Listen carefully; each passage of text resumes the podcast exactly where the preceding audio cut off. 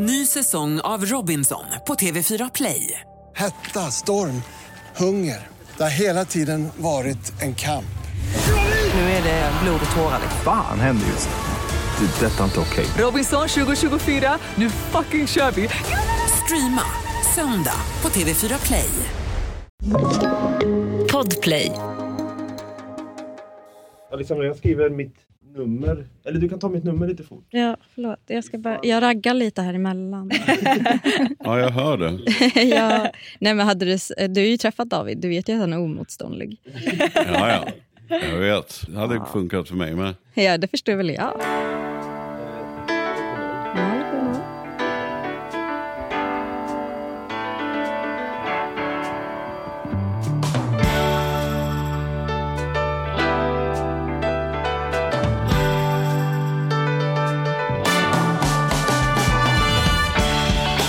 Hej och välkomna till Ekonomi på riktigt med Charlie och Mattias. En podd som vi gör varje vecka enträget. Eller hur Mattias? Ja, enträget. Ja.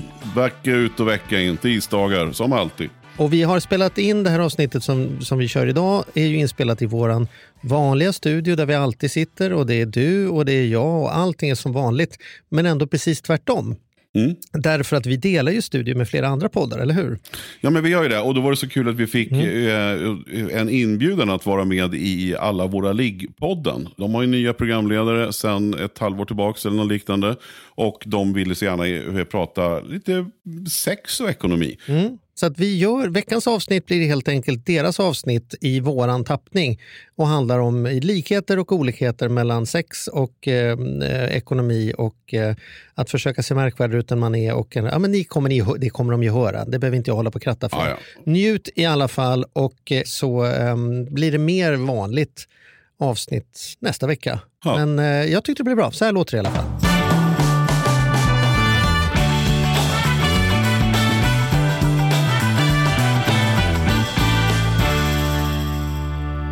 Alex, vi välkomnar in Charlie och Mattias, ekonomiexperter som också är programledare för podden Ekonomi på riktigt och har varit med i Lyxfällan. Ja, jag vill bara också poängtera att de har varit med och hjälpt människor i Lyxfällan. Det är inte ni Just som har varit Ja, i behov av.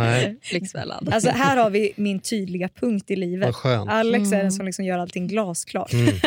Det är underbart.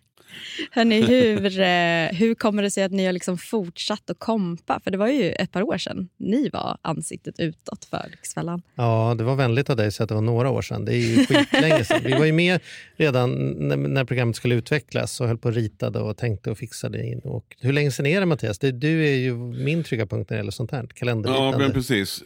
Vi började hösten 2006, var första programmet av Lyxfällan. Mm. Och sen har det gått sedan dess. Och vi var, var faktiskt bara programledare fram till 2010. Så att det är ju liksom nu, ja det är ju det är 12 år sedan vi slutade egentligen. Men svaret på din fråga är, är ju att vi kände ju inte varandra överhuvudtaget. Utan vi träffades ju för att göra det här programmet och kände inte varandra överhuvudtaget. Men det är, jag har inte gjort lumpen. Jag är hösnuva och skit och grejer, så jag har inte gått igenom den grejen. Men det här var lite det man hör om det, att det var väldigt så här, förbrödrande att vi tvingades in båda två i att göra tv är ju väldigt, det är ju väldigt, väldigt konstigt att göra tv. Och vi skulle dessutom göra ett program som aldrig gjorts tidigare och vi satt och åkte bil tillsammans och räknade på kvällarna och var på hotellrummet och försökte förstå vad ska vi göra imorgon, hur funkar det här? Så vi vart ju väldigt snabbt väldigt nära varandra för vi gjorde dels många timmar och dels i en väldigt utsatt situation där vi egentligen bara hade varandra att ty sig till. Så vi är vänner för livet men, men vi kände inte varandra innan det första programmet drog igång. Så sen när vi slutade med vi gjorde ju några andra eh, program, dels tillsammans och dels för sig, men, men det vart liksom uppenbart att vi måste ha någonting att samlas kring för att, för att eh, livet rusar på och allting händer. Och då är det så jätteskönt att vi har den här podden varje vecka som är våran ursäkt för att fortsätta träffas och fortsätta hänga, förutom att man dyker upp på sommarstugan och tar en öl och sådär. Liksom. Så att, eh, ja, och nu är det många år då. Mm, verkligen. Ja. Mm. Jag, jag bara har en fråga rent, eh, rent sådär om Lyxfällan som jag har funderat en del på. När ni fick förfrågan om att, att vara med och göra det här konceptet, funderade ni på hur människorna som ni hjälper i tv skulle liksom landa i att de blir filmade när de löser någonting som vi ofta försöker lösa väldigt mycket bakom stängda dörrar. Att det här blir så ett så, vad ska man säga, ett så tabubelagt problem som skyltas med Mm. i tv. Hur ställer ni er till det? Ja, men i, all, I allra högsta grad var vi medvetna om det och, och det gjorde ju inte minst att vi fick vara otroligt försiktiga med hur man, hur man hanterade för att det inte skulle bli mobbing mobbing-tv av det så att säga. Eh, och första säsongen så var det ju meningen att det skulle vara en lyxfälla. Det vill säga att programidén egentligen från början var att det skulle vara familjer som hade ganska god ekonomi men som hade lite för stor båt, lite för stor bil, lite för stor grill eller vad det nu kunde vara. Liksom. Men vart efter programmet gick så, så tyvärr så var det inte den typen av case som sökte utan det, det blev allt mer, vad ska vi säga, Eh, ja, men det blev allt mer dåligt, alltså de som redan hade en katastrofekonomi egentligen. Och, och där var det ju, kände ju vi också varför vi slutade att göra programmet. Att det kändes nog mer som att det kanske var en, en annan typ av man kanske behövde få ordning på andra delar av livet först innan man var mottaglig för att få ordning på sin, sin ekonomi. Så att säga. Att man kanske inte mådde bra av olika orsaker och sådär. Vi, redan märkte vi under tiden vi höll på så kände vi någonstans mitt i, mitt i bland säsongerna som vi gjorde trots allt att vi måste ha en psykolog standby. För att det här att, det här att liksom, särskilt de här, de här hoardersarna, alltså samlarna av som är lite sjukligt så här, Ja. samlingsbenägna på grejer. De, det, det, det kan hända mycket liksom, i, sk- i skallen när vi kommer in och dundrar in och det är tv-team och sen ska man ställa sig på en loppis och sälja bort allt det där man har. Till exempel. Så här, och det där måste man... Det där måste man ha stor respekt för. Och vi, vi tyckte väl att det, det, blev, det blev mindre av den varan och mer att det drog så att det här extrema. Liksom. Ja. Man Ja, sensations-tv. Och det var, det var faktiskt därför vi hoppade av. Det var inte att vi... De, kanalen och produktionsbolaget trodde att vi slutade för att vi skulle förhandla. Att det var en förhandlingsteknik. Så att vi skulle få, få igenom bättre betalt. Men vi sa att det finns ingenting som gör att vi, vi, vi är klara med det. Sen, sen eh, hur de går vidare. Och jag är fortfarande stolt över att vi har gjort det här programmet. Och vi hoppades ju just att, som ni sa, det här som är lite tabu att prata om. Att, att man faktiskt ska våga, för man pratar ju faktiskt om sin vikt, man pratar gärna sexställningar vill jag påstå på, på jobben, men, men pengar det är så jävla känsligt. Och där tror jag att vi ändå varit med och bidragit till att det är okej att prata lite om sin lön och det är okej att berätta att man har lån eller vad det nu är. Liksom. Så att det tycker vi är bra om, om vi lyckades få folk att våga prata pengar. För det är så, så konstigt är det inte. Det är ganska, ganska lätt egentligen. Jag fattar. Och man behöver inte skämmas. Nej, verkligen inte. Och där tycker jag lite att våra världar möts. Det tycker jag Just, verkligen. just när det kommer till att vi pratar gärna om pengar och sex när det är eh, guld och gröna skogar. Då kan vi prata om ämnena och ganska mycket på ytan. Både när det kommer till pengar och när det kommer till att eh, ja, men att utforska sin sexualitet. Vilket jag tycker mm, just det här mötet i de två världarna är väldigt intressant. För de hänger väldigt mycket ihop egentligen. Vi pratade innan ni eh, kom in i studion så pratade vi om det här eh, vad ska man säga, att dras till kapital. Oavsett om vi pratar pengar eller om det kan vara skönhet. Det är ju också ett visst kapital idag. Som man, jag menar, forskning visar ju på att det är lättare att få en anställning eller kanske få bättre vård om du är snygg. Och där kommer det in det här med respekt och framgång som pengar någonstans ger. Att hade det varit förr i tiden så kanske inte var pengarna som var kvittot på framgång och kanske inte det som vi då attraheras av. Utan att då kanske hade varit den här äh, jägaren som drar hem mycket. Som kanske idag jobbar inom något annat och sen idag så kanske de Ja, men de som kanske inte var de här pangjägarna faktiskt har fått sig ett uppsving i det intellektuella där man kanske drar in cashen som IT eller reklam och liknande. Just att det finns en, en attraktionskraft idag i pengar som vi liksom inte har hunnit med någonstans. Jag tänker det är inte den biologiska faktorn där. Mm. Men det kanske det finns ju något sånt där, man pratar gärna om det där hur det var på grottider och sådana Mm, grejer. Så, och det är ju, ja, jag kan inte så mycket om det och jag har en, en ganska kraftfull gissning om att det är mycket hittepå om det, för det är ingen av oss som var med. Så det går ju lätt för någon att säga att ja, men det här beror på att det var så här för 10 000 år sedan. Och grejer. Och, och det är det säkert, men idag är det ju, tror jag inte pengar har jag tror inte den drivkraften ser likadan ut. För till att börja med, om vi pratar i Sverige, de flesta människor har ju ganska, har det i jämförelse med hur det har sett ut historiskt och det ser ut i resten av världen, väldigt bra. Mm. Vi behöver inte välja vår partner i huvudsak för att vi ska, behöva, för att vi ska ha någonstans att bo och kunna veta att vi har, har, har råd att ha kläder på kroppen. Utan, men däremot så tror jag, jag, jag funderade lite på det på vägen hit, för jag tänkte att sådana frågor kommer dyka upp. Mm. Att jag tycker att pengar, människor med mycket pengar kan vara väldigt attraktivt för mig. Mm. Inte bara liksom sexuellt utan överhuvudtaget. Och det, men det, det här är den stora omgrejen. Jag gillar ju, och det tror jag det är för de flesta, att man gillar när man får någons totala uppmärksamhet. Mm. Man gillar närvaro. Närvaro är väl bland det sexigaste som finns.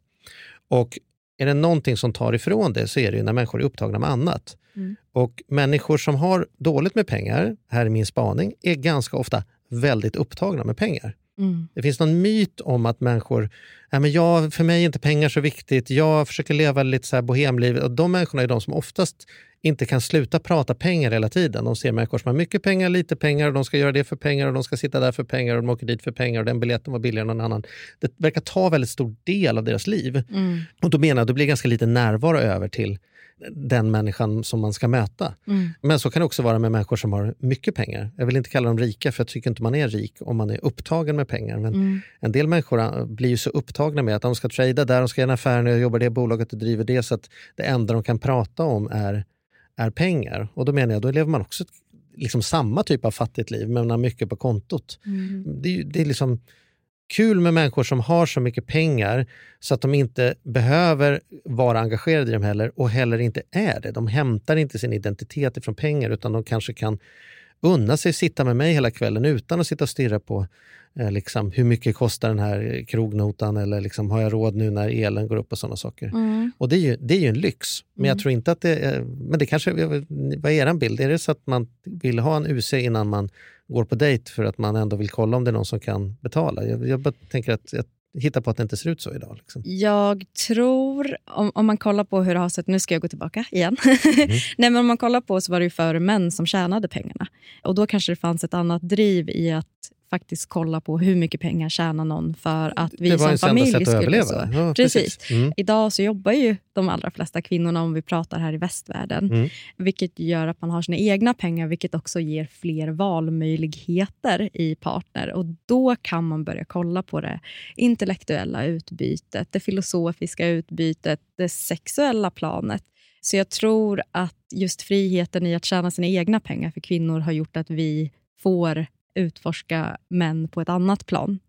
Det har jag hört som de två stora liksom, kvanthoppen för, för eh, sexuell jämlikhet har varit just eh, preventivmedel och möjligheten till egen inkomst som Ja. liksom har varit kickstarten på, på någon jämställdhetsprocess i, i sexualitet. Liksom. Verkligen. Mm. Men- Men jag, jag skulle vilja skjuta in också att även om, även om vi... Eh, jag upplevde ju, vilket jag tror vi män alltid gör innan man träffar rätt, så att säga. Att man i alla fall, fast, fast jag hade, hade, bra, hade en väldigt god ekonomi så fick jag i alla fall inte de tjejerna jag ville ha. De var ju som omöjliga att få tag på, på något sätt, tyckte man. Men det, det man däremot sen såg, eller det jag verkligen tror som är så jädra bra, det är att den här maktbalansen totalt skulle jag vilja säga snart är borta. I alla fall som ni säger i västvärlden och framförallt tror jag i Sverige. Jag tror att det är, alltså nu, det är bara att titta på högskolan. Min son går på högskolan nu och det är ju liksom 70% tjejer som utbildar sig och som kommer att ta över tror jag. Nu finns det säkert många, då, många som, som tycker och skriker högt att det absolut inte är jämställt ännu. Och det kanske det inte är helt och hållet ännu. Men jag skulle vilja säga på bland, bland ungdomar och alltså upp till 30 någonstans så tror jag att det börjar bli extremt jämlikt. Vilket är ju skithäftigt. Mm. Men är du orolig för det Mattias? Eller så här, jag ska säga, jag är orolig, är ju korkat att säga, men jag är väldigt tacksam att jag är gift med min fru och att vi hittade varandra för så pass länge sedan. För att hade jag varit singel idag, då hade jag burit med mig den frågan. Varje gång jag träffar någon, är den här personen attraherad av mig eller är den attraherad av någon bild av mig som handlar om tv och ekonomisk expert och pengar. Alltså så här, Mm. man, man, man vill ju att, apropå närvaro, vill man att någon ska se mig och tycka om mig, inte tycka om någon livsstil som de har hittat på att jag kommer att erbjuda. Liksom. Mm. Så det, det, ja, det är fan, det är tufft att gå ut på Tinder nu, skulle jag känna. Liksom. Jag tycker att det verkar hemskt. Ja. Alltså bara det här med, för det, det kan vi också komma in, alltså in på just att idag om du ska gå in på Tinder så får du så extremt många valmöjligheter framför allt. Och sen så kommer du sitta... Tala för dig själv. Nej, men jag menar bara hela grejen att så se ett ansikte och välja om det skulle vara nice eller inte nice. Mm. Alltså det här äh, att swipa på en person känns så himla märkligt. Jag har ju levt i en relation sedan jag var 15 år gammal och eh, har två Då barn Tinder. Nej, precis. Nej, men det bara känns så läskigt om man skulle ut på den här marknaden igen och någonstans vara en bild som någon får swipa höger eller vänster på. Men du, jag tänker på lite Ja. det här visuella. Mm. För det tänker jag så här, varje gång, jag och min sambo vi har ju så här kvällsserie. Vi är ju riktiga suckers för deckare och allt möjligt. Liksom. Och då har du en kompis i Mattias, han är Oh. serietokig. Och, Åh, jag då, ska vi byta, då ska vi byta mejladresser och Ja, skicka lite listor ja, till varandra. vi ska börja brevväxla. Jag är nöjd. Absolut. Eh, Nej, men det jag tänkte på, alltså så här, om man kollar på vissa kanaler framförallt med mycket reklam, Mm. då har jag tänkt på, framförallt i typ parfymreklamer, att det ofta är väldigt mycket naket. Mm. Vad, alltså, vad, vad tänker ni? Varför tror ni att det är så? Ja, jag, jag har en fråga som jag skulle vilja, som, som hör ihop med den här, som jag skulle vilja vända tillbaks på. Som jag pratade med, vi hade Amelia Adamo med i, i våran podd. Och vi pratade just om det här med, med hur, att, att det är ju skithäftigt. Alla är vi överens om att, vi, att det måste bli jämlikt. Det ska vara 100% lika liksom, mellan män och kvinnor på alla sätt. Liksom. Det, det, det, det tror jag alla vettiga människor ändå står bakom. så. Men, men jag blir ju förvånad, precis som hon berättade då med, med hennes liksom, barnbarn då och kompisar som hon ser när tjejer lägger ut bilder bara på Instagram till exempel. Och för att inte prata TikTok. Jag har en, en kund nu som ska, ja, men som, som jag känner, han behöver, han behöver ha en musiker som jag jobbar med som känner att han behöver ha TikTok liksom, för att kunna få ut musiken och det behövs. Så då reggade jag mitt första TikTok-konto och fan jag, jag känner mig som en sån här, det känns liksom lite så här, jag känner mig som en snuskgubbe nästan när jag sitter och tittar på alla dessa liksom osannolikt lättklädda tjejer. Det hade ju varit klassat som porr på, på, för 20, 10-20 år sedan. Liksom. De har ju knappt något på sig, eh, förstorade tuttar förstorade läppar, dansar skitcoolt, asläckert. Men varför måste de göra det typ nakna? Det, jag, jag förstod inte att det var så. Sen har det där givet, givetvis att göra med olika val man har där på TikTok. Det har jag ju fattat. Och nu har jag börjat söka på så här bilar eller som ni säger tv-serier. Då, då, då styrs det ju där över så att det blir mindre av den där varan. Men, bra. men, fördomsprofilen, det första du fick möta var liksom... Ja. Ja, det första det, var ett gäng, ja, alltså bara tjejer som dansar Mm. och i mi, minimala badkläder. Typ så. Mm. Och, och, jag vill, och då tänker jag också på det här som ni säger med, med parfymreklam och så. Det, det, det är ju samma sak där. Och då undrar jag, är det jämställt? Ja, det kanske det är om man är sådär snygg. Liksom. Men hur många tjejer eller killar ser ut på det där sättet? Liksom? Mm. Alltså jag, jag vet inte om jag tycker att det är fräscht. Jag vet inte om jag tycker att det är, är det jämlikt. Liksom. För mig är det ju lite grann som att tjejer ska fors behöva fortsätta visa upp sig. Liksom. För det är ju inte lika många killar som i minimala string, tanga, badbyxor står och åmar sig. Liksom. Och jag, jag vet inte om det är jämlikhet. Jag, jag, fan, och, då, och då blir jag besviken. Så här, vad fan hände med den där jämlikheten vi skulle ha? Liksom? Mm. Eller är det, är, det, är jag bara gubbig som tycker det? Vad, vad, vad känner ni? Det jag skulle vilja säga främst om det här kontra hur tjejer är lättklädda på Instagram och i reklam och varför män inte är det.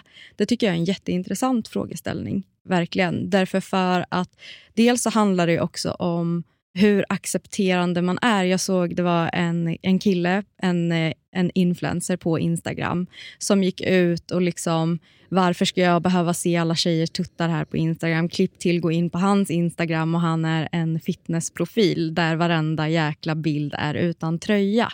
Men där vi noterar är när tjejer är utan tröja medan vi inte höjer på ögonbrynen så mycket när det är killar. Så att det går förbi radarn tror jag att det är väldigt mycket lättklädda killar idag också.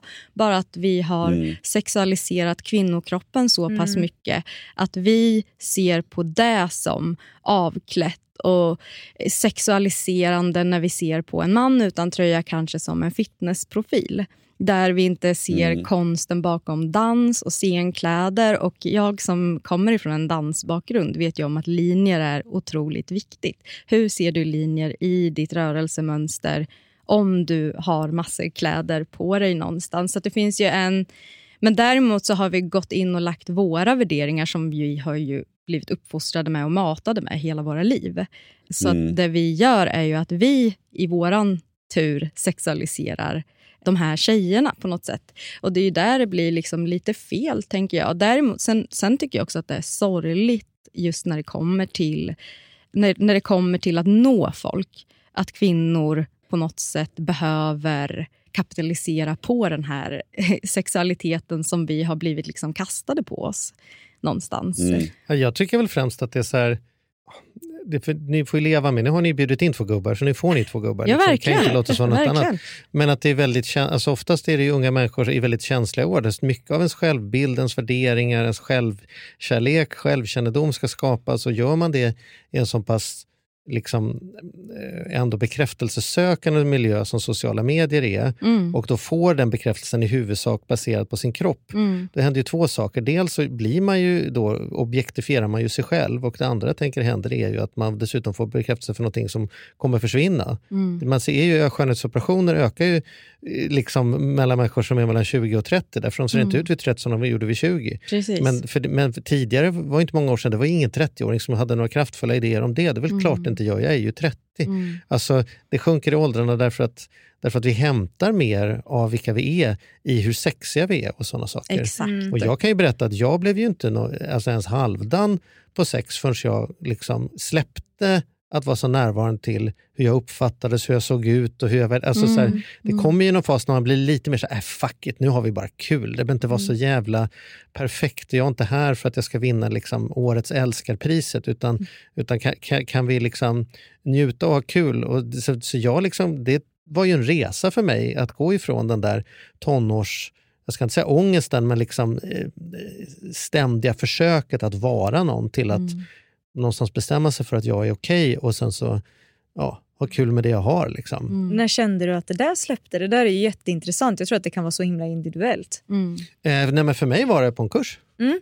En kurs i, i personlig utveckling där jag, eftersom det är lite av min liksom, specialområde, där jag har gått hur mycket saker som helst, Mm. då jag kom i kontakt med eh, hur rädd jag var för alla andra människor hela tiden och hur jag hade byggt upp massa försvar genom att vara rolig och vara smart och vara rik och vara sån så att ingen skulle komma på att jag var en liten liksom, loser längst inne. Mm. Och i den övningen så såg jag paradoxen då som är att det har alla andra också. Mm. Så ingen märker att jag är rädd, för de går omkring och är lika rädda de också. Även om antingen tänker de på det eller inte tänker på det. Och då var det så skrattretande fantastiskt att det liksom gick på stan omgiven av människor som var livrädda för att jag skulle se dem. Och jag var rädd för dem och de var rädda för mig. Och då, då släppte det för mig på något sätt. Var så här, men vad fan, Mm. kan vi inte bara kan vi inte bara vara liksom? Du behöver inte vara rädd för mig, jag är inte rädd för dig. Ja, lite mer självförlåtande i det. Ja. Och då, då, blev, då blev ligga roligare också. Liksom. Ja, men verkligen. Människan är ju ett flockdjur, vilket jag tror också gör att så här, var, vilket är det absolut lättaste sättet att på något sätt inte bli sedd, men bli sedd. Och då är det ju att på något sätt apa efter. Hur ser den snyggaste människan ut på jorden? Och just nu så vill alla se ut som Kim Kardashian. Och det är vad vi får. För här kommer ingen att kunna klaga på dina vad ska man säga, personliga attribut är för att du har gjort om dem så att du smälter in och ser exakt ut som alla andra. Du gör exakt samma danser på TikTok Mm. som alla andra. Du klär av dig precis som alla andra. Därför kommer inte du att bli påkommen Mm. med det här den du är någonstans. För Jag tror att det är ju det allra, allra värsta, att bli någonstans recenserad efter vem du är på riktigt. Och Då kanske det är jättemycket lättare. Ja, men det, det är därför det är helt sjukt. Liksom. Jag, jag var ute och käkade middag i mellandagarna och så satt det ett bord med tjejer, de var typ 12 stycken. Mm. Jag ska gissa att de var i 20-årsåldern. Mm. Och, och jag, jag är övertygad, hade en av de 12 gått på toaletten och liksom, sen hade de bytt plats och jag hade kommit tillbaka. Jag var helt chanslös, för de såg exakt likadana ut allihopa. Exakt samma stentvättade mamma-jeans med exakt samma liksom, eh, plattångade hår med exakt samma topp med, med, som var lite nedstucken på ena sidan hängde ut på andra sidan. Och skulle man fråga dem så hade de säkert inte ens tänkt på det. Men alla ser ut som kopior på varandra. Det är som den där flockgrejen. Va? Så att ingen ska kunna anklaga mig för att jag sticker ut. Och sen så kommer det in någon kvinna då som har kanske ja, kommit lite längre i sin mognad och vågar, vågar synas, vågar finnas eller någonting. Och då blir man ju direkt så här, wow, vad är det där för spännande människa? Liksom. Jag har ingen aning om det är spännande, hon har bara en röd hatt. Men det tyder ju ändå på att man, ja, man är inte är så jävla skitnödig i alla fall. Så att jag menar, det här är ju paradoxen, att vi vill så gärna bli sedda, men vi är ju så livrädda för att om vi blev sedda så kanske de såg att vi var skit. Liksom.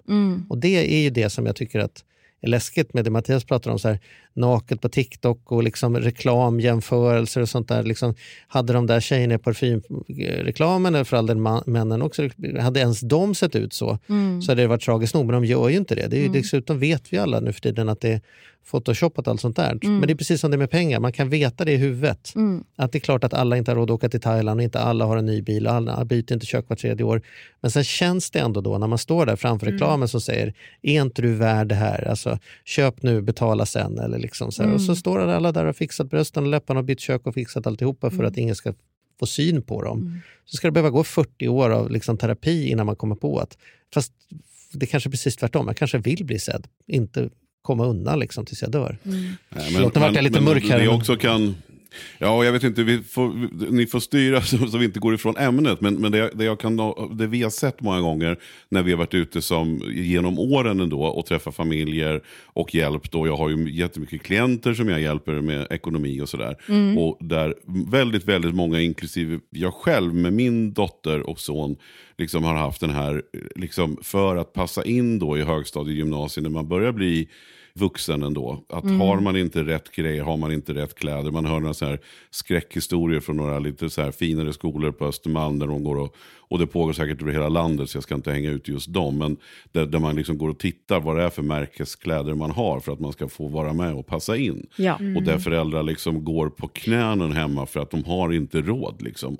Och det, det har vi tyckt varit väldigt jobbigt när man har sett det här. Att, att föräldrarna faktiskt inte har råd att hålla barnen så coola som de vill eller, eller få vara på det sättet. Men där är det ju rätt häftigt att trenderna går.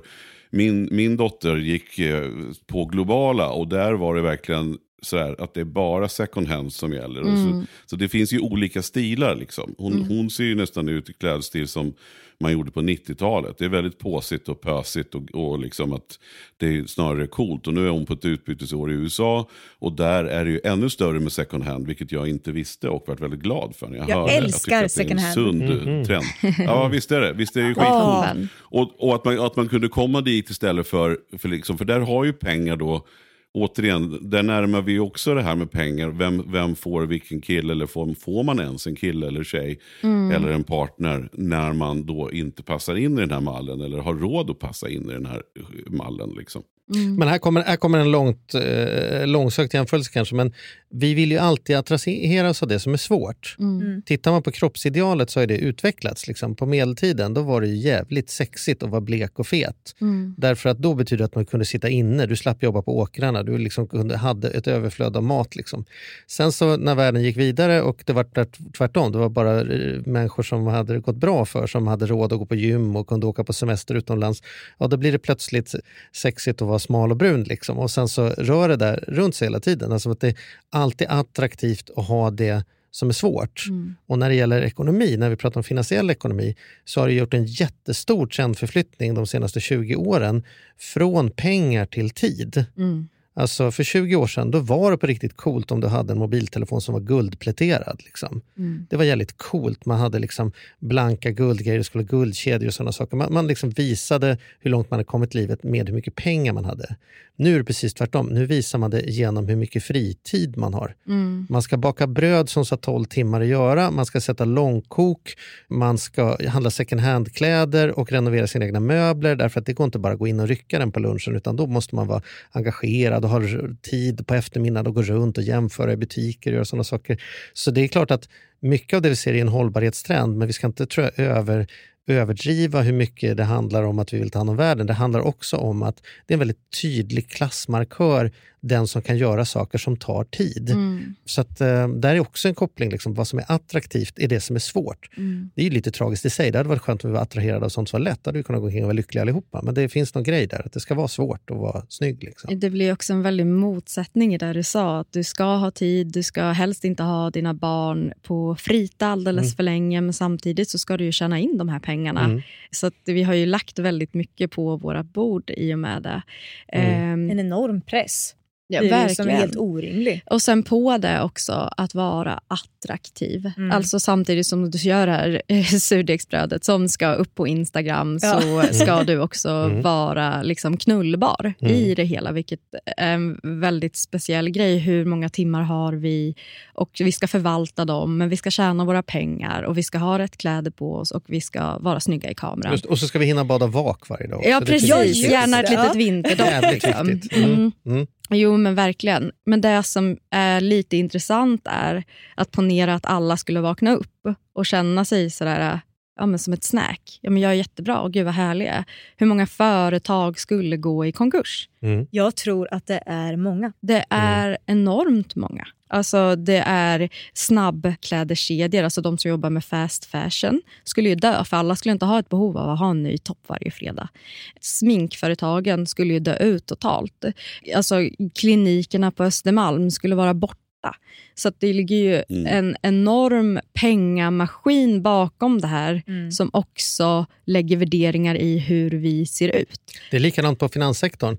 Alltså, det finns en jätteindustri som handlar om att vi ska få människor att tro att de är fula så att de behöver massa grejer. Mm. Och när det gäller finanssektorn så finns det en jätteindustri som handlar om att tro att vi är för korkade för att fatta finansiella beslut så vi ska köpa någon dyr förvaltning någonstans av våra pengar. Så människor i slips som bryr sig om reproräntan på Mm. dagarna, de ska, det ska inte vi bry vårt lilla huvud med. Så att väldigt mycket handlar om, och, de, och det kan säga så här, de har inget möte tror jag. Mm. Det är inte som att vi har något sånt här som det brukar vara i Simpsons, att så här, liksom Burns samlar kring något här bord i något transylvaniskt slott och bara så här, hur ska vi fucka upp det för mänskligheten? Utan det är ju en rad små egenintressen liksom från bolag som liksom bildar den här mattan av destruktiv självbild eh, hela tiden. Och det, det är ju bara så här, det måste vi ju träna oss själva att inte gå på. Ja, jag kan bli så jävla ledsen av det där. Mm. Och det är också så här att man kan, jag kan nästan komma på mig själv ibland, just ja, men som med reklamer eller liksom Mm. allt möjligt. Så Mm. där, att man, jag tror framförallt att det bygger på, för min del i alla fall, alltså en osäkerhet. Att jag känner liksom att Åh, ja, men det där kanske jag skulle behöva, för det ja, men som skulle göra mig mer attraktiv. eller Mm. liksom sådär. Mm. Och det, jag tycker inte det är en jävligt obehaglig tanke. Mm. Och här finns det egentligen bara en vettig lösning. Alltså, samhällsmässigt kan vi ha flera lösningar, men mm, personligen så finns Mm. det bara en lösning. Alltså, och det är att du måste logga ur. Mm. Alltså, hur gör man om man vill stå i duschen och inte bli blöt? Det går inte. Står Mm. du i duschen, då blir du blöt. Mm. Ja, men jag tycker faktiskt inte att jag påverkas. Det gör du. Står du i duschen blir du blöt. Det funkar så. Mm. Så vill du vara mindre få ett bättre självförtroende, då Mm. måste du följa färre såna här bloggar. Du måste liksom, kan inte följa de här influenserna. Du kan inte sitta Mm. och ta in de här sakerna därför att det, Det, skadar är- mycket mer Ja, men än vad det gör nytta. Ja, det är, ja, och det är, du kan inte inte påverkas. Liksom. Mm. Reklam är inte en så stor industri som det är. Mm. Bara för att det är människor som är lite skitnödiga och tycker det är kul. Det är för att det funkar. Mm. Säger du negativa till saker till dig själv hundra gånger om dagen, Mm. då kommer du gå på det. Mm. Om dessutom proffs gör det tillsammans med bilder och musik i ett jävla tempo, då kommer du gå på det så in i skogen. Mm. Så det, det är bara så här att antingen får du må dåligt då, eller så får du logga ur. Det är de två valen du har och där måste vi ta ett större ansvar att inte gå på, gå på de här grejerna. Går du ut på stan, kommer du hitta saker du vill köpa, så gå någon annanstans då. Liksom. Mm. Det, Men jag vill ju lära mig shuffla på riktigt Charlie. Vad fan ska jag göra då? då? Ja, jag vet inte. Jag vet inte, man får väl välja sina strider tänker jag. Mm. Men man gäller ju inte, det gäller ju inte att vara med överallt hela tiden. Så gör jag. jag är liksom JOMO, joy of missing out. Verkligen. Liksom. Nej, men jag är på den idén.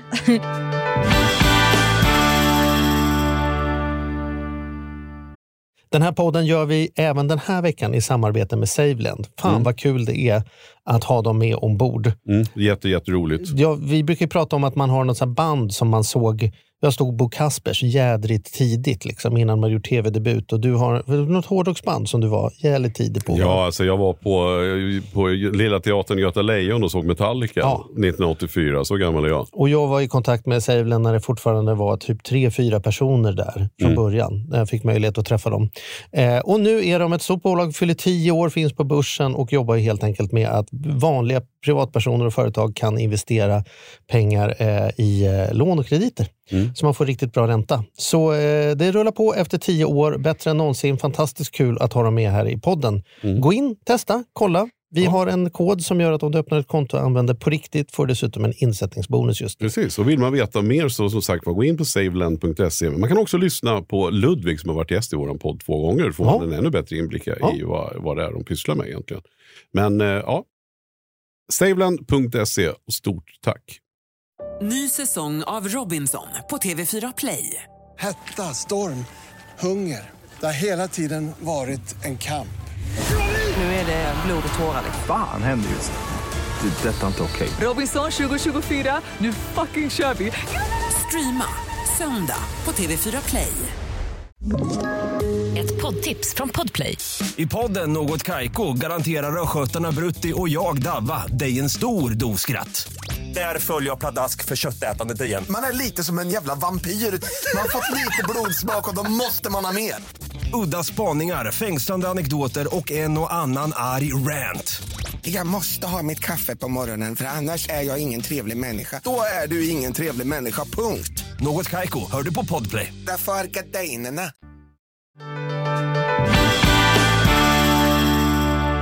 2017 så gjordes det en studie på just det här om sexsäljare. Mm. Och då var det John Wirtz som är reklamprofessor vid Illinois universitet. Han studerade 78 studier om sexuellt innehåll i reklam som var publicerade de senaste 30 åren. Med det tycker jag också att vi ska ha i tanke att 2017 så briserade ju metoo som Mm. också slängde ju runt synen på sexualitet, sex och Mm. övergrepp riktigt brutalt. Så att den gjordes 2017 tycker jag har, har nog påverkat svar ganska mycket i den här studion, även om man går tillbaka 30 år och kollar på det. Mhm. Men där har man ju liksom sett svart på vitt att sex är inte egentligen det som säljer. Du blir inte mer sugen på att köpa en produkt för att det är sexuellt innehåll. Mhm. Folk har snarare haft en, en ganska negativ syn på det. Men det som får mig att tänka då, varför fortsätter man med de här sexuella anspelningarna om det inte funkar? Och det är ju för att, eller jag tänker, att det måste vara att så här, du när bilden om att du inte är okej så mycket på så många olika håll hela tiden. Så till slut kommer du att köpa någonting ifrån någon för att fixa det här felet som du ser på dig själv genom att se perfekta kroppar eller ett perfekt leende eller snygga kläder. Att du någonstans efter ett tag känner att så här, nu har jag sett det här så jävla Mm. mycket överallt. Så det är väl bara att ge vika och, och göra skiten. Jag tror, att, ja, jag tror att du har både rätt och fel. Mm. Alltså jag tror att det är det som blir effekten. Men jag tror inte någon reklammakare som tänker så att nej fan, jag nöter ner dem. De kommer, förr eller senare så kommer de få en skev bi- bild om jag bara fortsätter att lägga upp de här Mm. anorekti- Så tror jag inte. utan Jag tror att man, man ska försöka sälja något så vet man så här, ett, det handlar om att skapa en känsla. Okej. Det handlar om att skapa en känsla. Mm. Bara det. Och sen så behöver du någon typ av argument att hänga upp det på. Så tittar man på det mesta så handlar det om att du ska bli sugen. Mm. Det kan vara grundlöst, ganska ofta grundlöst. Okej. Och sen så behöver du få något argument eller två varför du ändå ska göra det. Mm. Man behöver inte en ny bil utan man blir jävligt sugen på den där känslan som man hittar på att man skulle ha.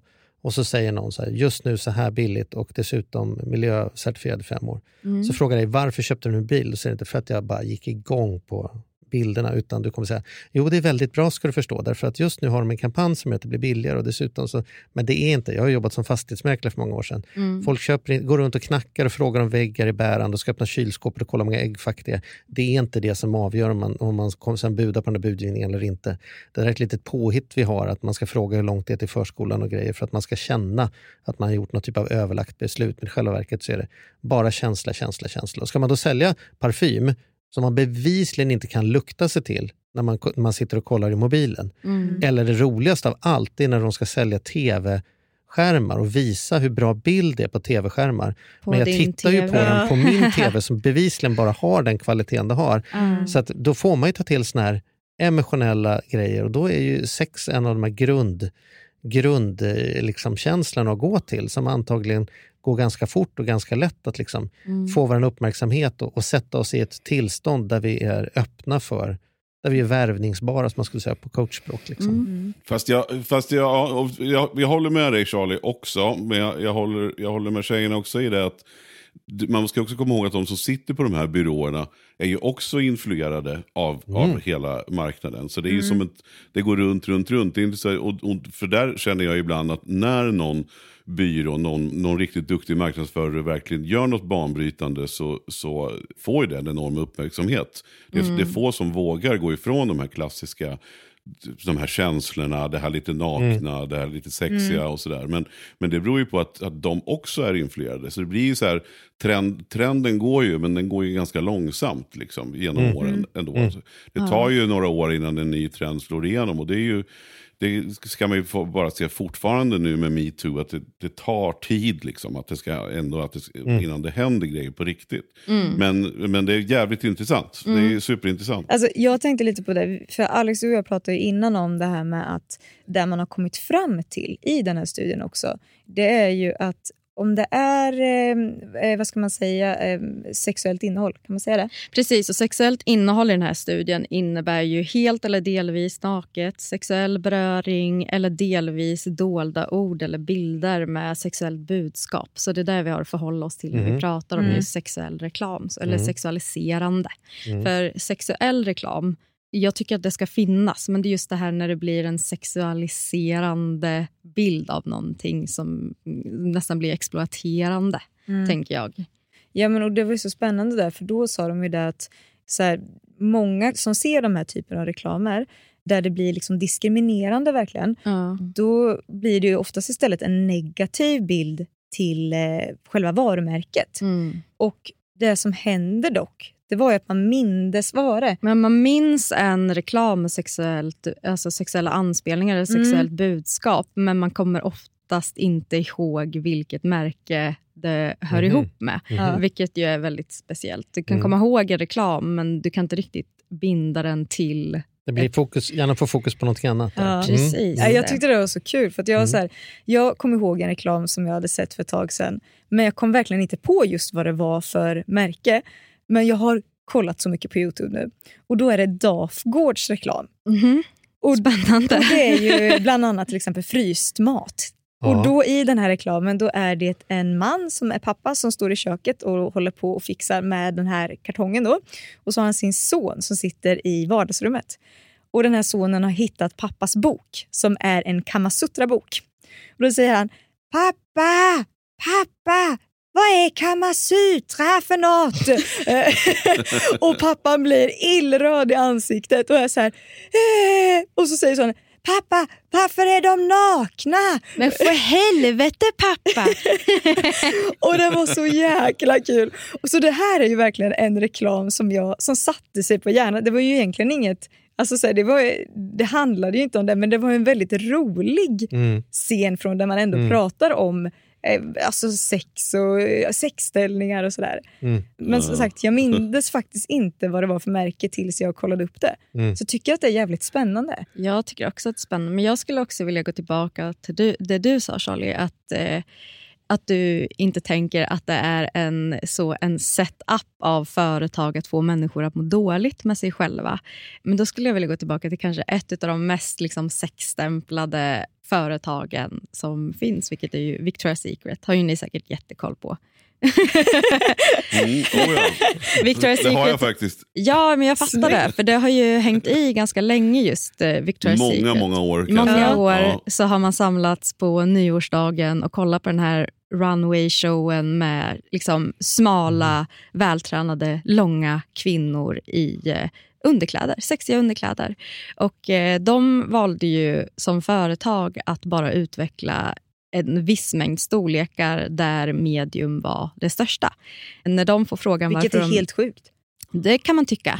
Men sen när de får frågan om varför så säger de det. Vi, vi säljer en dröm. Vi säljer en illusion. Vi säljer en dröm om den perfekta kvinnan. Är inte det direkt att tycka att då får tjejer anpassa sig efter, efter idealet som vi har satt här? Som ni ändå behöver se varje år. Är inte det en det setup hemskt. för att kvinnor ska må skit? Tänker jag. Oh. Jo, men gör de det för att kvinnor ska må skit, tänker du? tillräckligt skit för att stoppa fingrarna i munnen så man kommer i de här Ja. underkläderna, tänker jag. Ja. Nej, usch, jag, you might be right. Jag, jag vet inte, jag tänker att det är som med pengar, pengar är samma sak. Liksom. Ja. Varför, gör, varför gör Tesla bilar som kostar liksom 600 000? Varför gör de ingen för den som är nybliven student? För, ja, men det är för att man säljer en dröm. Alltså, har du kommit någonstans i livet? Ja, fan, det går bra för honom. Det. Han har köpt en Tesla nu. Liksom så här, Mm. Jaha, jädrar. Det Mm. finns väl där också. Och så Victoria's Secret har gjort någon grej som säger så att det är bara smala tjejer som ska ha våra, våra underkläder. Mm. Ja, det kan man ju tycka att det är jävla unket. Det Mm. har man ju full rätt att tycka. Å andra sidan så driver ju inte de någon debatt i, i den här frågan, men de, men de har, har ju liksom... Det är klart att alla bolag har ett, ett ansvar, Mm. men det är inte samma sak som jag tänker att de har något råd där de har något uppsåt och säger så här, hur kan vi skapa mer ätstörning? För då blir det mindre tyg för oss vi behöver köpa eh, från sidentillverkaren när vi ska göra underkläder. Utan jag tror att det börjar någon annan ända. Här försöker man vara jävligt speciell gissar jag, om jag ska ta dem i försvar, vilket är jävligt korkat varför jag ska göra det. Men jag tänker väl att de har någon idé om att det ska vara någon, någon typ av så här, det är inte vem som helst som kan ha de här. Det är ju många brands dröm att ha så här, det är man fan lite speciell om man har det här. Mm. Och då är man så här, är man normalstor, ja, då kan man inte ha de här grejerna. Det är Mm. bara för människor som är liksom, fotomodell, smala människor. Så om, om, jag kan ha, om, om man, jag har dem på mig så kan jag känna mig speciell, för det kan bara fotomodellmänniskor ha. Men det är väl unket, men det är väl fan Ja. så de tänker. Men det är klart att de inte har ett uppsåt att vara att vara, äh, ställa till det. Men jag, men jag tycker också att ett sånt stort företag, vi lever 2022, borde väl då, nu vet inte jag hur, om det är som ni säger att de inte har större, för det låter ju helt hemskt. Alltså jag vet ju att det var jädrigt illa. De har fått gett med sig nu så att de har ju inte kunnat Ja. stå för vad de egentligen sa men det tog ju många, många år. Precis, och, och, då menar jag, och då menar jag ändå att, att, att alla den här typen av företag tycker jag måste ta sitt ansvar. Jag Ja, vet ju, jag helt jag, jag var ju runt, när jag gjorde Plus som är ett konsument-tv-program på SVT, Mm. så Mm. te- vid, vid ett par tillfällen så tittade vi just på barnkläder. Ja. Och det var ju vidrigt med de här slimfit-byxorna som, som, som var då, som skulle föreställa någon sån här large för barn. Jag kommer inte ihåg Mm. vilka mått det var då. Mm. Men, Mm. men så små, så små i storlekarna så att det var inte, det var inte klokt alltså. Mm. Så att, och där tycker jag också så här, det finns säkert inga andra uppsåt än att de vill följa trenden. De vill ju, de vill ju följa den trend som pågår. Men här måste ju sådana aktörer gå in och ta sitt jävla ansvar. Mm. Att så här, det måste finnas storlekar för, för alla. Liksom. Annars, annars tar man inte sitt ansvar. Och vi måste också ta vårt ansvar som konsumenter tycker jag. Det är liksom, här måste vi bli bättre på. Alltså, det, är det är fortfarande så helt sjukt. Alltså, kan, du ta min, kan du ta mina nycklar? Ut och gå med Andrea på stan? Nej, för jag har inga fickor. Bara, "Och vadå? Du har ju byxor på, har du inga fickor? Nej, du vet tjejbyxor har inte alltid fickor. Bara, Nej, varför inte det då? Nej, ja, vi tycker det är skit också. Men gå inte till en affär som säljer byxor där du inte ens kan bära runt dina egna ägodelar så du måste ha någon snubbe som har liksom, bär omkring på dina grejer för att få det att funka eller behöva en handväska för att kunna plånboken. Det är helt sjukt. Det är Men så här, ibland kan jag tycka att man blir lurad. Om jag, jag brukar trivas i kostymbyxor väldigt skönt, Ja. vilket jag älskar på second hand. Ja. Men ibland kan man bli lurad för att det ser ut som en ficka sen. Är det fan ingen ficka i den där fickan. Nej. Vad är det för sjukt påhitt? Nej, nej, det där är helt, helt sjukt. Andrea, enda gång hur vi ser skillnad på träningstightsen när de kommer i tvättmaskinen det är att mina fickor och hennes, tjejer, män kan bara ha svarta byxor när de tränar tydligen och tjejer kan ha vilken färg som helst men framförallt de kan inte ha några fickor. Måste de köpa någon så här s- separat bärbar ficka för att annars kan du inte ha mobilen någonstans de Det tränar. är också ett säljknep. Ja, det- jag vet köp, en, köp en extern Ja, ficka. ja. Att, vi- att vi tolererar de här skillnaderna i kön som bara är så här, okej, jag säljer sexiga underkläder, sexualiserar det? Ja, det kan man väl säga. Jag säljer ju ändå sexiga underkläder. Mm. Men som Mattias säger, jag säljer barnjeans. Mm. Det, ska fan, det ska vi inte behöva sexualisera. Eller, eller liksom fonder eller bilar. Alltså så här, det, det, det, det är liksom, Mm. ja. Nej, det, där, där tycker jag att där, där har vi passerat någon gräns när det bara blir fånigt och korkat och vi som kunder brukar, borde kliva in allihopa och bara säga, men du, jag är faktiskt lite smartare. Och så här, kan du ge mig lite bättre cred än att komma med den här skiten och tro att du ska sälja den till mig bara för att ni har köpt någon influencer som har sytt på en jävla paljetter på knäna. Liksom. Mm. Det, jag köper inte det. Men jag tänker just när det kommer till sex och sexualitet så blir vi ju presenterade ett färdigt koncept väldigt mycket. Alltså det här är sex, så här ser en sexig person ut någonstans. Och att inte vara ensam är ju ett otroligt driv Mm. hos Mm. alla människor. Och att också få då bli någonstans lite sexualiserad blir också ett kvitto kvitto på att du inte kommer behöva vara ensam sen. Och, och jag menar, det, är ju, det är ju jättemycket pengar som styr vad du kan ha på dig, hur snygg och attraktiv du kan göra dig själv. Mm. Och Det är otroligt svårt tror jag om man växer upp i den världen, om man blir inkastad i det, att någonstans se vad kan jag göra med det här? Måste det vara ett färdigt koncept? Är det här vad sex är? För Det kan man ju också hänvisa till hur porren ser ut. Där väldigt många också får sin första sexuella Mm. upplevelse någonstans och får det presenterats för sig. Jag menar, hur många killar går omkring och tror att en tjej... Nu, nu kommer jag generalisera för att jag vet att det finns tjejer som tycker att det är skithärligt. Men en sats i ansiktet. Att det är Mm. någonting som har blivit presenterat för dig så pass tidigt att du Mm. tror att det här är en normativ del utav Alla vad gör sex... så här. Ja, det här har alla prövat och grejen är så här att nästan alla har prövat. För att du har fått det här presenterat Mm. för dig och du tänker vilken upplevelse. Och sen så kanske man lägger sig där på sängen, räcker över toapappret till sin fru och så mår man piss Mm. över det. Och Jag tror att det är jättemycket så också när jag kan kolla tillbaka på min ungdom och vad jag trodde krävdes, min ungdom, nu är jag 30 år gammal, men om man kollar på när man var ganska osäker och under 20, innan jag fick barn och allt det här, då hade jag också en bild presenterad för mig av vad sexigt och åtråvärt var. Så idag kan jag få ont i magen när jag tänker på saker som jag har investerat i, alltså alldeles för små kläder för en 15-årig tjej att gå omkring i. Saker som jag har bjussat på i sängen rent sexuellt för att jag tänker det här är någonting jag ska behöva erbjuda. Jag kan få ont i magen för den tjejen. Och Så tänker jag att det är. Att vi är invaggade i ett system som gör att man får inte den här det här utrymmet. För menar, du sitter ju här som en utbildad man i dina bästa år och har ju liksom hunnit komma fram till det. här. Strax efter mina bästa år. Nej, men hur underbart hade det inte varit om man hade fått chansen att tänka individuellt och fritt som barn. Du får inte det här utrymmet idag. Nej, och, det, och det där kan jag skriva under på också med trender då, om vi nu ska prata sex så vet Mm. jag att när, när jag var, när jag var då i 20-årsåldern, kanske 15, 18, 20, 25 någonstans där, typ i slutet på 80-talet, början på 90-talet, då var det ju, och det var väl innan liksom tjejerna skulle minsann göra sina, för, alltså förstora tuttarna. Mm. Men, men då var ju trenden så här att det var coolt att ha analsex. Hade man inte Mm. analsex då var det ju liksom då var ju tjejen beige om hon inte ville ha, ha en penis uppstoppad där och killen skulle Vilket är absolut helt göra sjukt, det. vi som inte ens har en Ja, prostata. det är helt sjukt. Mm. Och, och, det, precis, och, och det där snacket gick ju, det där var ju jag, alltså, alla var inne på det. Och liksom, när man var i de grabbigaste av de grabbiga ställena man satt och snackade så, Mm. så hörde jag ju det där återkomma hela tiden. Bara, ah, men fan fick du ta en i tvåan då? Mm. Du vet, så här. Och man bara...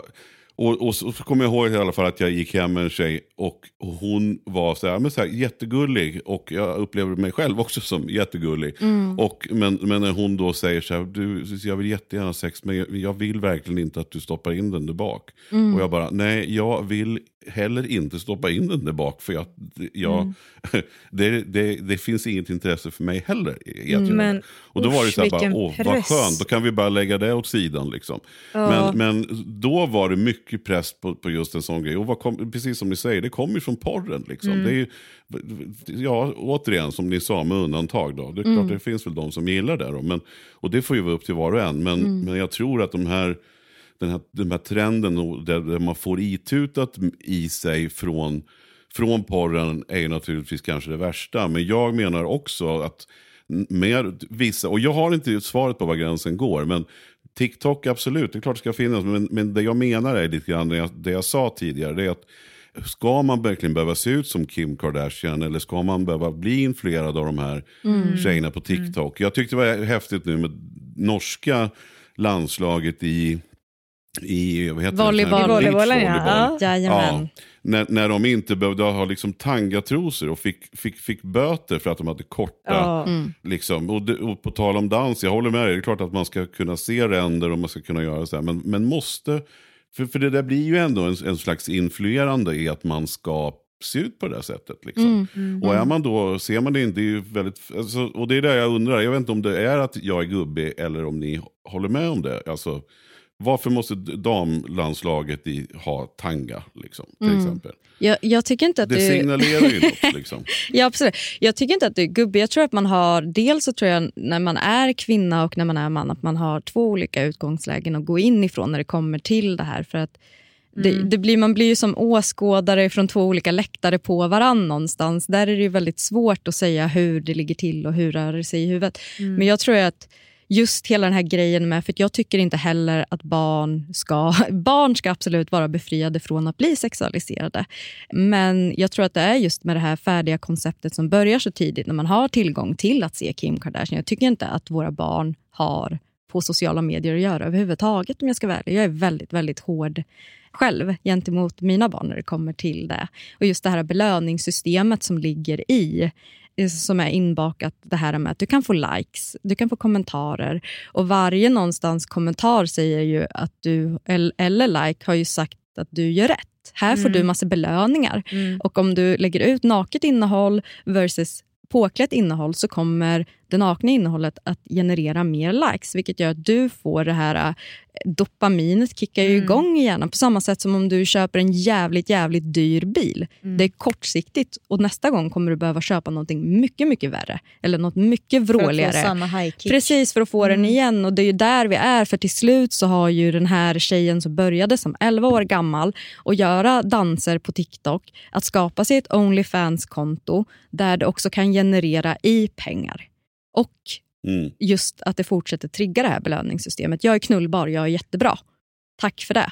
Och det är där vi vaggar in alltså, våra tjejer och killar i någonstans. Att så här, Killar kanske ska ha märkeskläder varpå tjejer ska ha så lite kläder som möjligt. Men samtidigt som en tjej ska ha så lite kläder som möjligt så ska hon också vara, hon ska ha klass. Eh, Hon ska inte ge sig själv till vem som helst, men hon ska vara vrålgrym i sängen. Så det, finns, det är väldigt paradoxalt i allting som både en man och en Mm. kvinna ska komma att bli till slut. Vilket Mm. ju blir ett så totalt kortslut i huvudet efter Mm. ett Där, tag. där börjar ju männen äntligen komma, eller äntligen, nej, helt korkat sagt, där börjar, där börjar männen komma ikapp. Ja. Det är ju mer män som pratar om orealistiska mansbilder och hur Mm. behöver man vara som man och vi har hela den där märkliga rörelsen med män som är bittra över att det ställs krav på dem, att ingen vill ligga med dem utan Mm. att de ska behöva förändra vilka de är och grejer. Och det, det är ju lätt att fnysa åt eller liksom himla ögonen åt och säga så här, "Ja, men gud vad synd om dig lilla man som tydligen måste både kunna kramas och liksom spela fotboll och laga mat Mm. liksom, och tjäna pengar. För så har vi an, liksom, kvinnor haft det jävligt mycket längre. Mm. Men, så att jag menar inte att det är något bra att det händer, för det, det, det är väl synd att någon ska behöva utsättas för det. Mm. Men det är en funktion av att det kommer. Nu, nu är ju liksom, det verkar satsa ganska hårt på att liksom, som samhälle att rucka på hur man ska få vara för att få vara man. Och Det är inte som att vi lättar upp det för kvinnor så himla mycket utan, utan det är snarare som att nu ska det vara samma krav på hur män ska vara för att de ska vara perfekta. Det är ganska, Mm. jag, ser, jag ser ganska mycket tycker jag, i sociala medier, även i min generation, att man pratar väldigt objektifierande om, om män på ett sätt som man inte har gjort tidigare. Jag, Mm. jag tror att man har gjort, pratar mindre objektifierande om kvinnor än vad man har gjort tidigare. Dock fortfarande mer objektifierande om kvinnor än vad man gör om män. Men det Mm. intressanta är att det ökar bland män, att det läggs upp bilder på halvnakna män och sen är det liksom "Hö, hö, hö, den där du, han ska få installera grejerna hemma hos mig. Alltså det är på ett Mm, sätt som är så här, mm. där jag känner så här, alltså hade det här varit en tjej hade det varit helt jävla o-okej liksom 20, 2022. Så att eh, ja, det, liksom, där det kan pågår. ju, liksom. Ja, men där kan jag faktiskt säga att vi har ju gjort...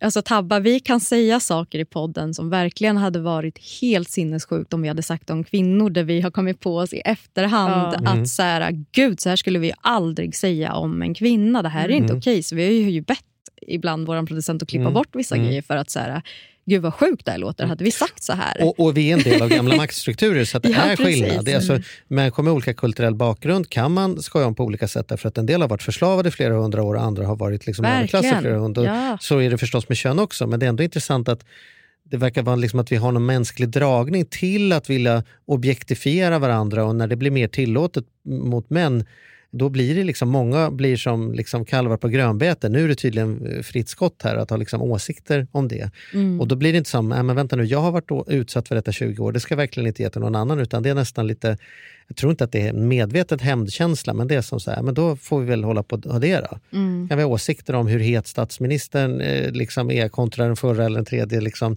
när, det, när det är män som vi aldrig skulle haft förut. Men, Mm. men nu är det kvinna och då är, då är inte den frågan på bordet. Liksom. Så att, Mm. eh, det, det, det Nej, är tror jag lite som vanligt, det dyster, gäller- butter prognos. Mm. Man måste, ju, man måste ju våga prata med varandra helt enkelt. Jag, jag tycker vi hade ett väldigt bra poddavsnitt med Katarina Wenstam som gick för inte så länge sedan. Nej men förlåt, ni har om- så, om ni har så det. tunga gäster. Först bara Amelia Ja, och sen är- Katarina. Nej, men hon, hon är fantastisk och, och den, det avsnittet pratar vi just om mäns våld mot kvinnor. Mm. Eh, och, och då, eh, ja men det måste ni nästan gå in och lyssna på i efterhand för det var det varit väldigt, väldigt bra. Och, och, men, och just det här vad man får säga och inte får säga och vad är politiskt korrekt att säga. Och så där. Men så länge, man, så länge man, man pratar om det och säger att jag tror eller jag upplever så här. Mm. Att, alltså att, så att man törs, för det, är ju, det tror jag också när det kommer till sex. Jag tror också att det finns en, fortfarande en enorm press när, när det ska liggas från båda parter. Liksom, hur ska jag leverera Mm. nu och vad förväntar sig min partner? Och, sen vill Mm. man ju inte sätta sig och dra, dra en, ett, ett poddsamtal om det innan, för då har väl all lust kanske hunnit försvunnit. men, men alltså att man ändå, att man ändå vågar liksom snacka med varandra, det tror jag löser ganska mycket faktiskt. Och det är samma sak med ekonomibekymren, för det är väl någonting som Mm. jag tänker också att har man en taskig ekonomi som par så gagnar ju det absolut inte sexlivet. Verkligen Eller inte. tvärtom. Liksom. Jag tror att det, det gäller ju att få ihop helheten. Liksom. Mm. Det, vi, vi har ju suttit med också väldigt många intressanta människor i den här podden. Och Mm. Bland annat så hade vi Kalle Norvall här som gäst, sexolog Kalle. Ja. Ehm, och han pratade om att så här, dialogen behövs tas men kanske inte nödvändigtvis inför eller Mm. under. Mm. Att så här, Absolut, man ska, man ska definitivt ha en kommunikation under, under sex såklart. Men just det här med farhågor Mm. och förväntningar. Och, det är ju någonting man också kan ta när man käkar middag. Mm. Mm. En onsdag kväll. Mm. Det behöver inte vara så här, vi ska knulla Mm. nu imorgon. Men, men just det här med att faktiskt prata om så här, vad, vad har du förväntningar på sex? Vad, vad vill du ha ut utav, Mm. utav sex? Vad vill du ge under sex? Ja, men vi pratar ju om det. Alltså, ibland känns det som att man tjatar hål i huvudet på folk, men vi tycker ju att det är så viktigt med kommunikation. Och Det är verkligen som du säger, alltså, sen Kalle var här och pratade om det. Mm. Det är som att det var så uppenbart. att så här, Varför har jag inte fattat det här? Mm, men det har, hjälpt, alltså, det har hjälpt mig i mitt privatliv jättemycket. Ja. Att bara så här inse att så här, men vi behöver inte ta grejer, till exempel om man bråkar, under stridens hetta.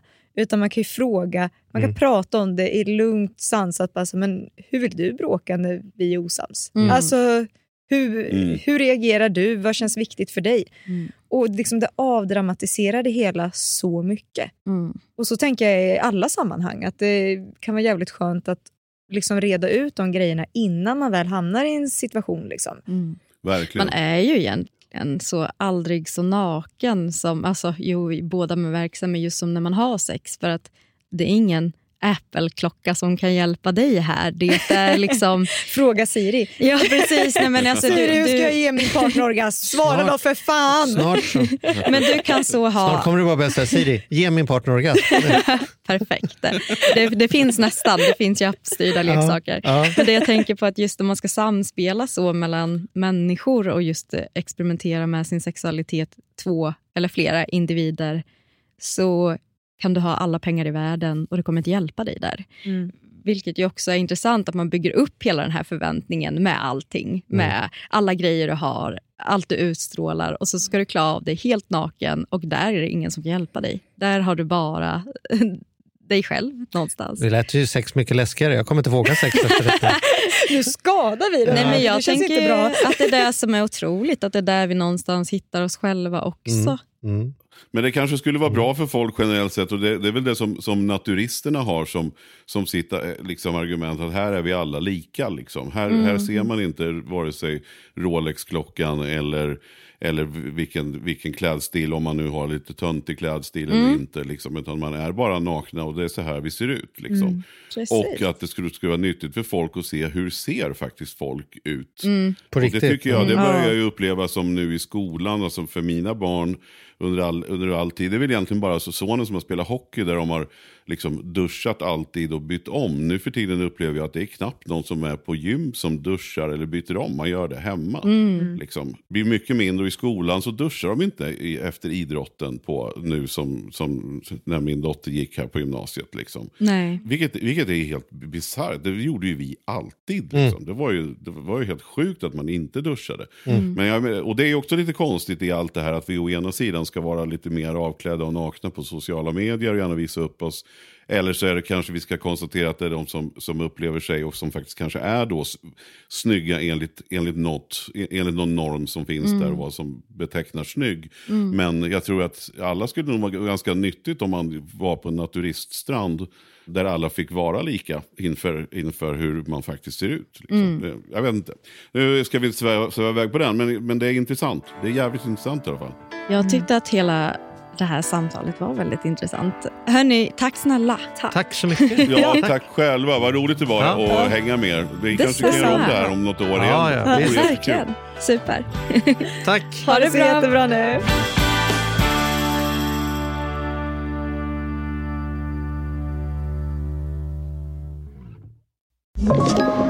Podplay. Ny säsong av Robinson på TV4 Play. Hetta, storm, hunger. Det har hela tiden varit en kamp.